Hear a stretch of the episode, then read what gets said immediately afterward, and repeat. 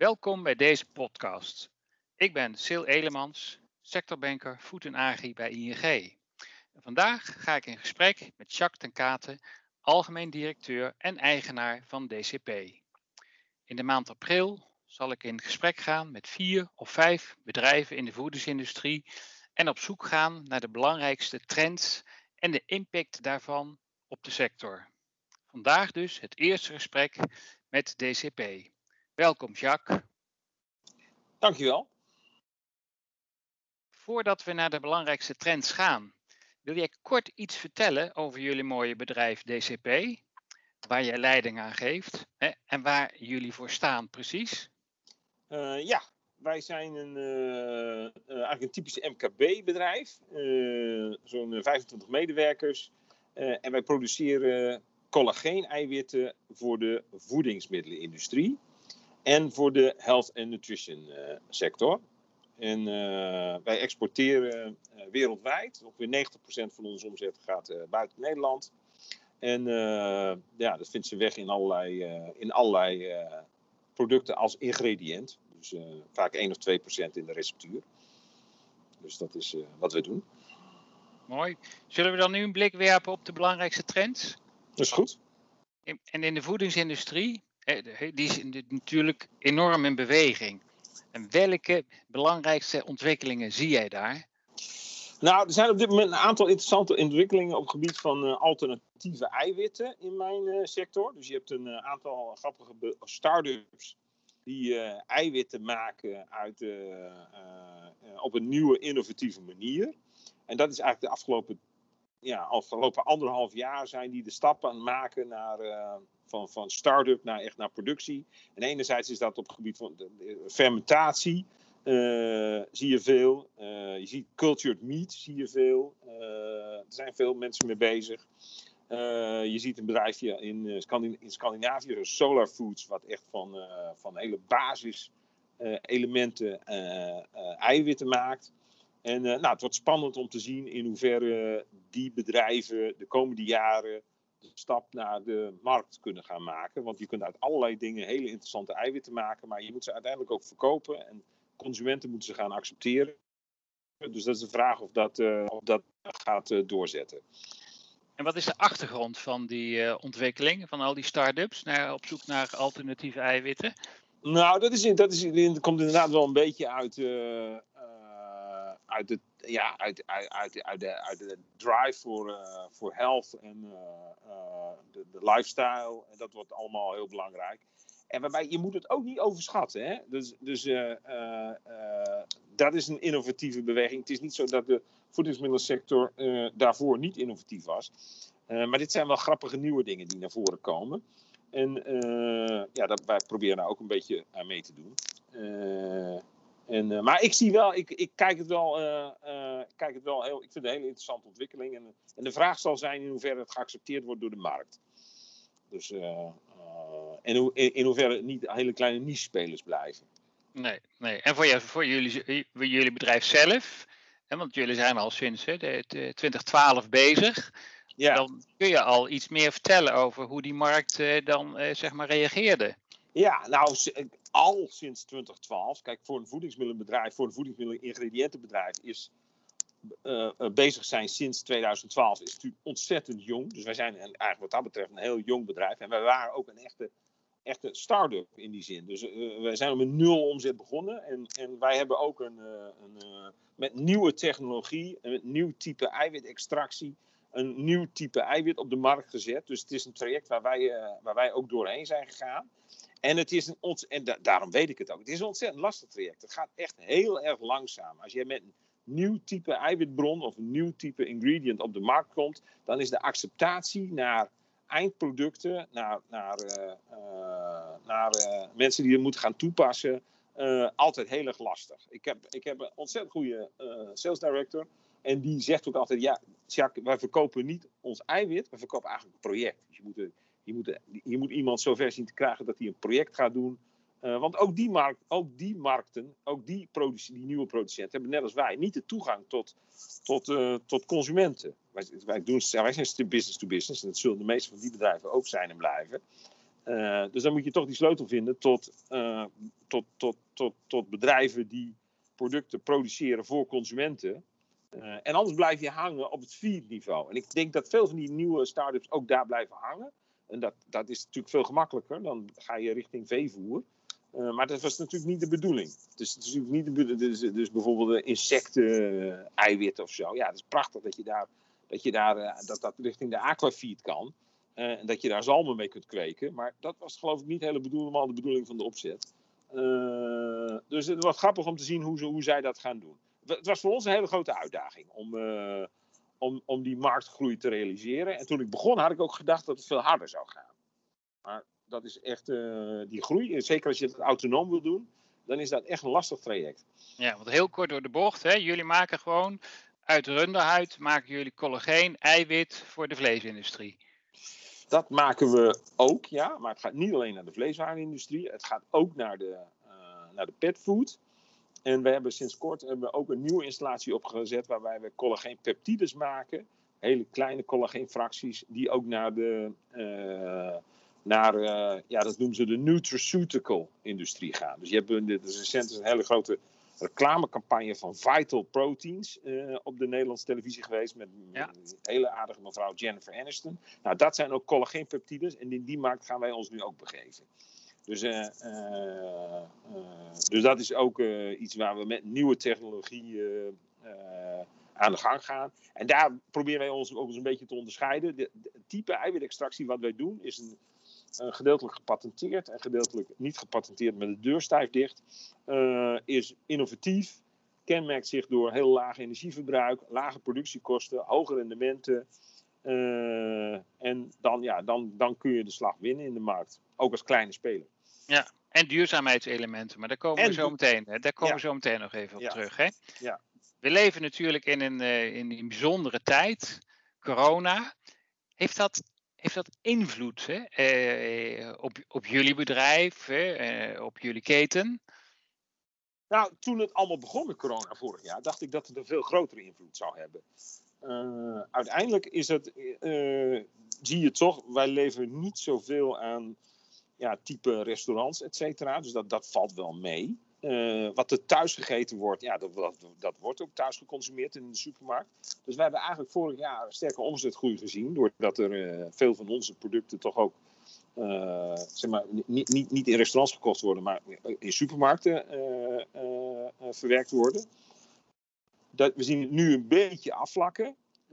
maar wij hebben er eigenlijk relatief weinig last van gehad. Be wel aan de, aan de grondstofzijde dus je zag wel dat het aantal runder, dat het aantal, uh, de productie van rundvlees omlaag ging. Omdat rundvlees toch ook wel een luxe segment is.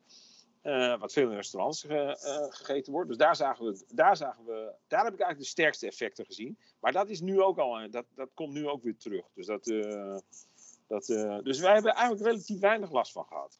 En door die terugval, hè, door die, althans het aanbod van, van mindere runderen, dan hoefde jij niet je productie op aan te passen.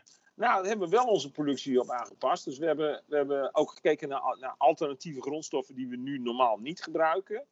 Uh, en uh, daar zijn we goed in geslaagd. En we hebben in de. In de we hebben, eh, kijk, als je in dat, met dat soort situaties te maken krijgt, we, hebben ook, we zijn ook in die fabriek hebben dat weer geleid tot innovativiteit. Door bijvoorbeeld uh, een hogere yield op die grondstoffen. Een hoger rendement op die grondstoffen. Waardoor, waardoor ja, je wordt, je, onder druk wordt ja, ga je harder op zoek naar, naar oplossingen. En daar zijn we ook in, in, uh, in, geslaagd. Dus wat dat betreft was het toch wel eventjes spannend.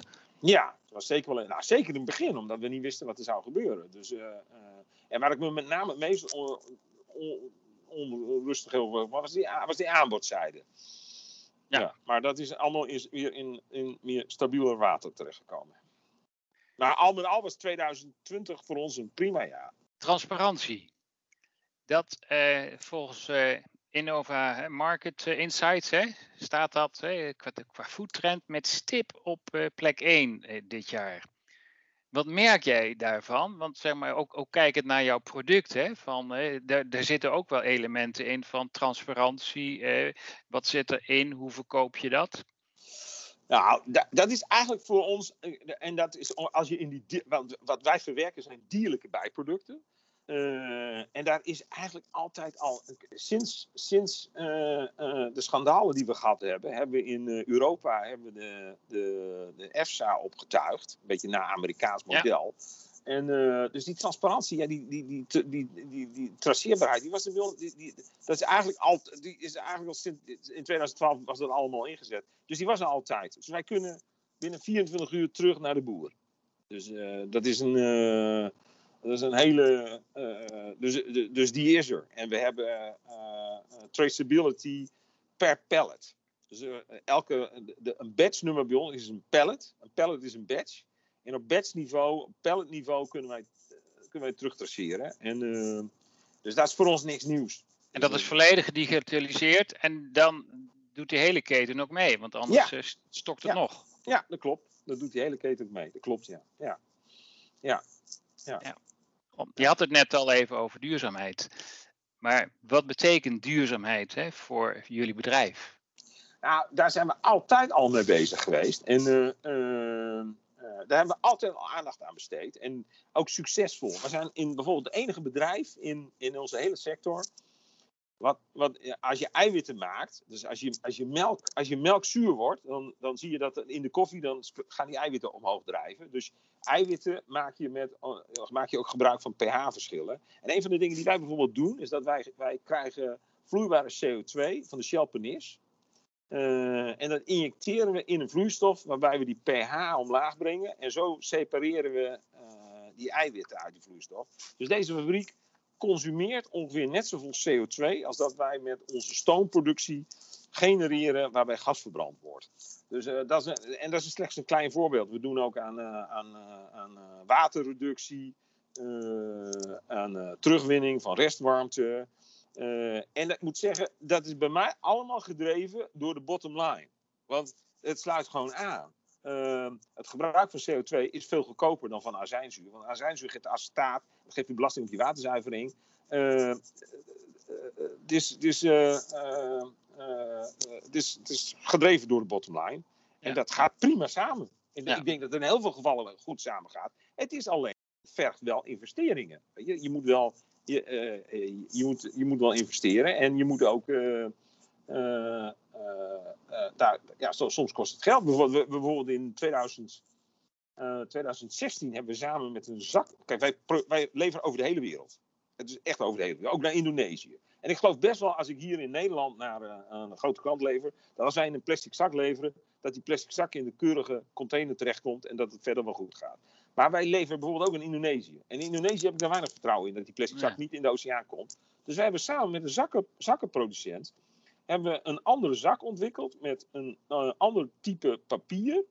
Uh, waardoor we geheel van die plastic zakken af konden komen. Dus wij, dat gaat iets van van 90.000 plastic zakken minder per jaar wat we gebruiken. Uh, en dat zijn kleine dingen uh, en dat kost iets meer geld.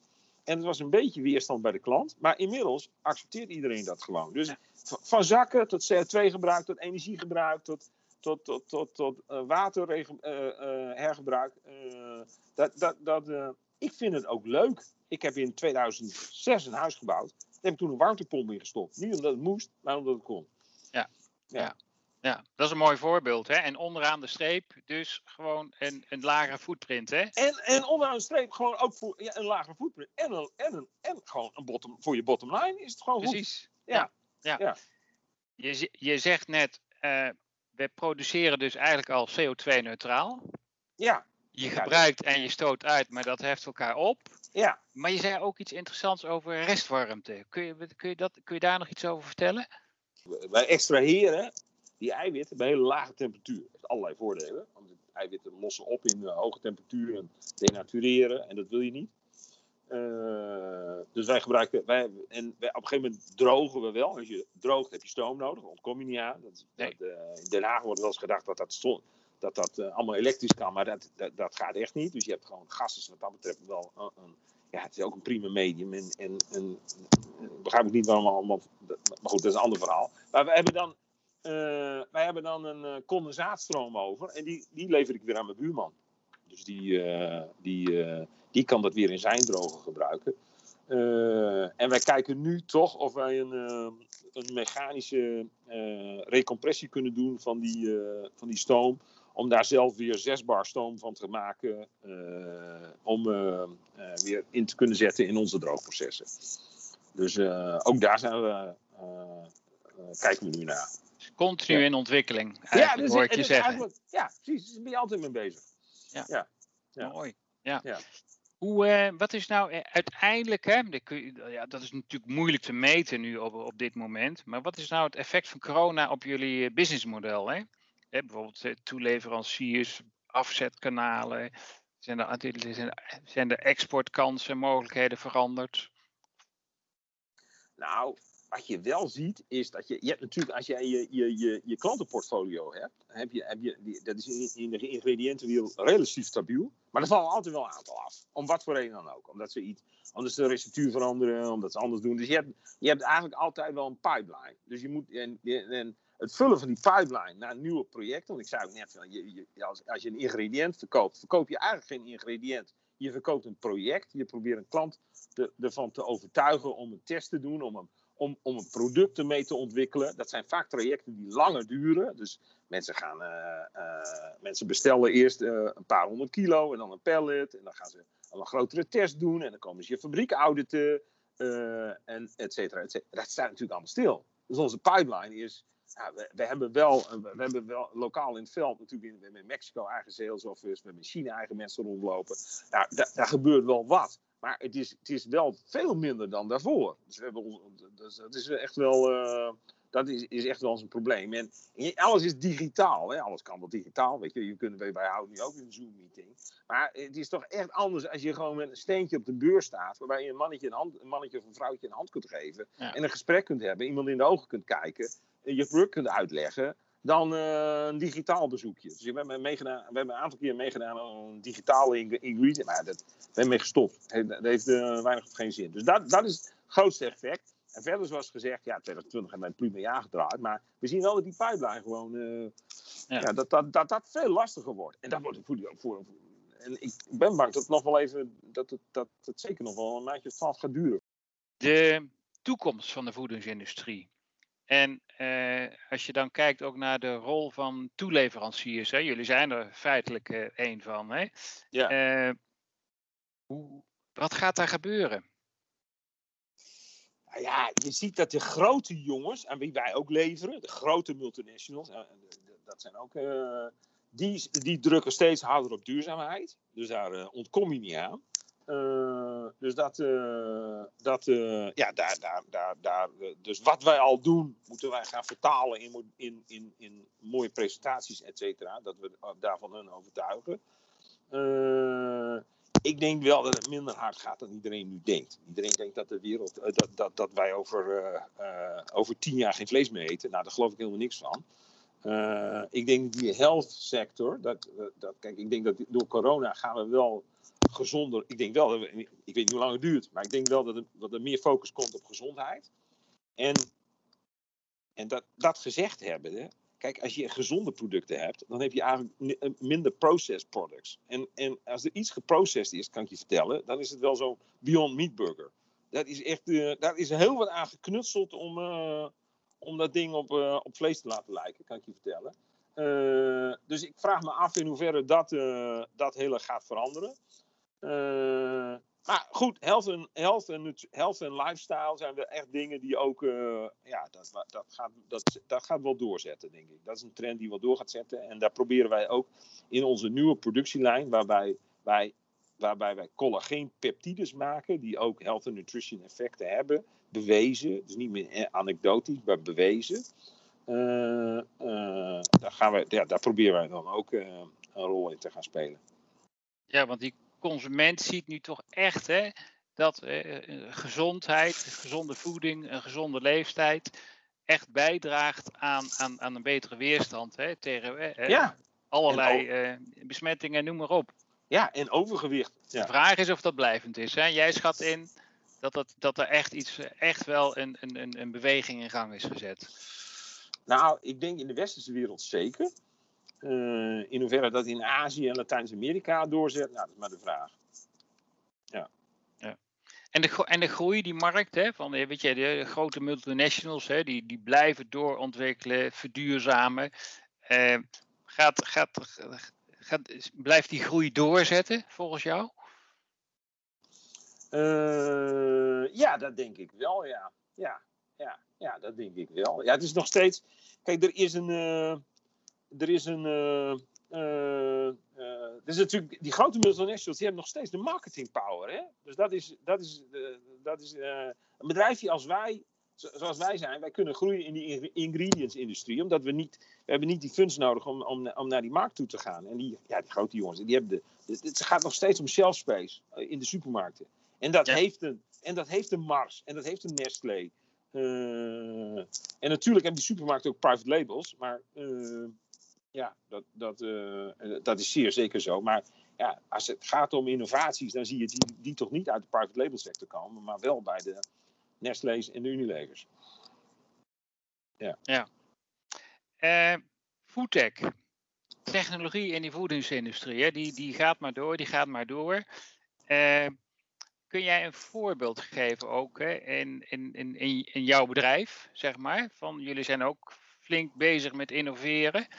Uh, nou ja, ik kan heel veel voorbeelden geven. Maar kijk, wij hebben geen.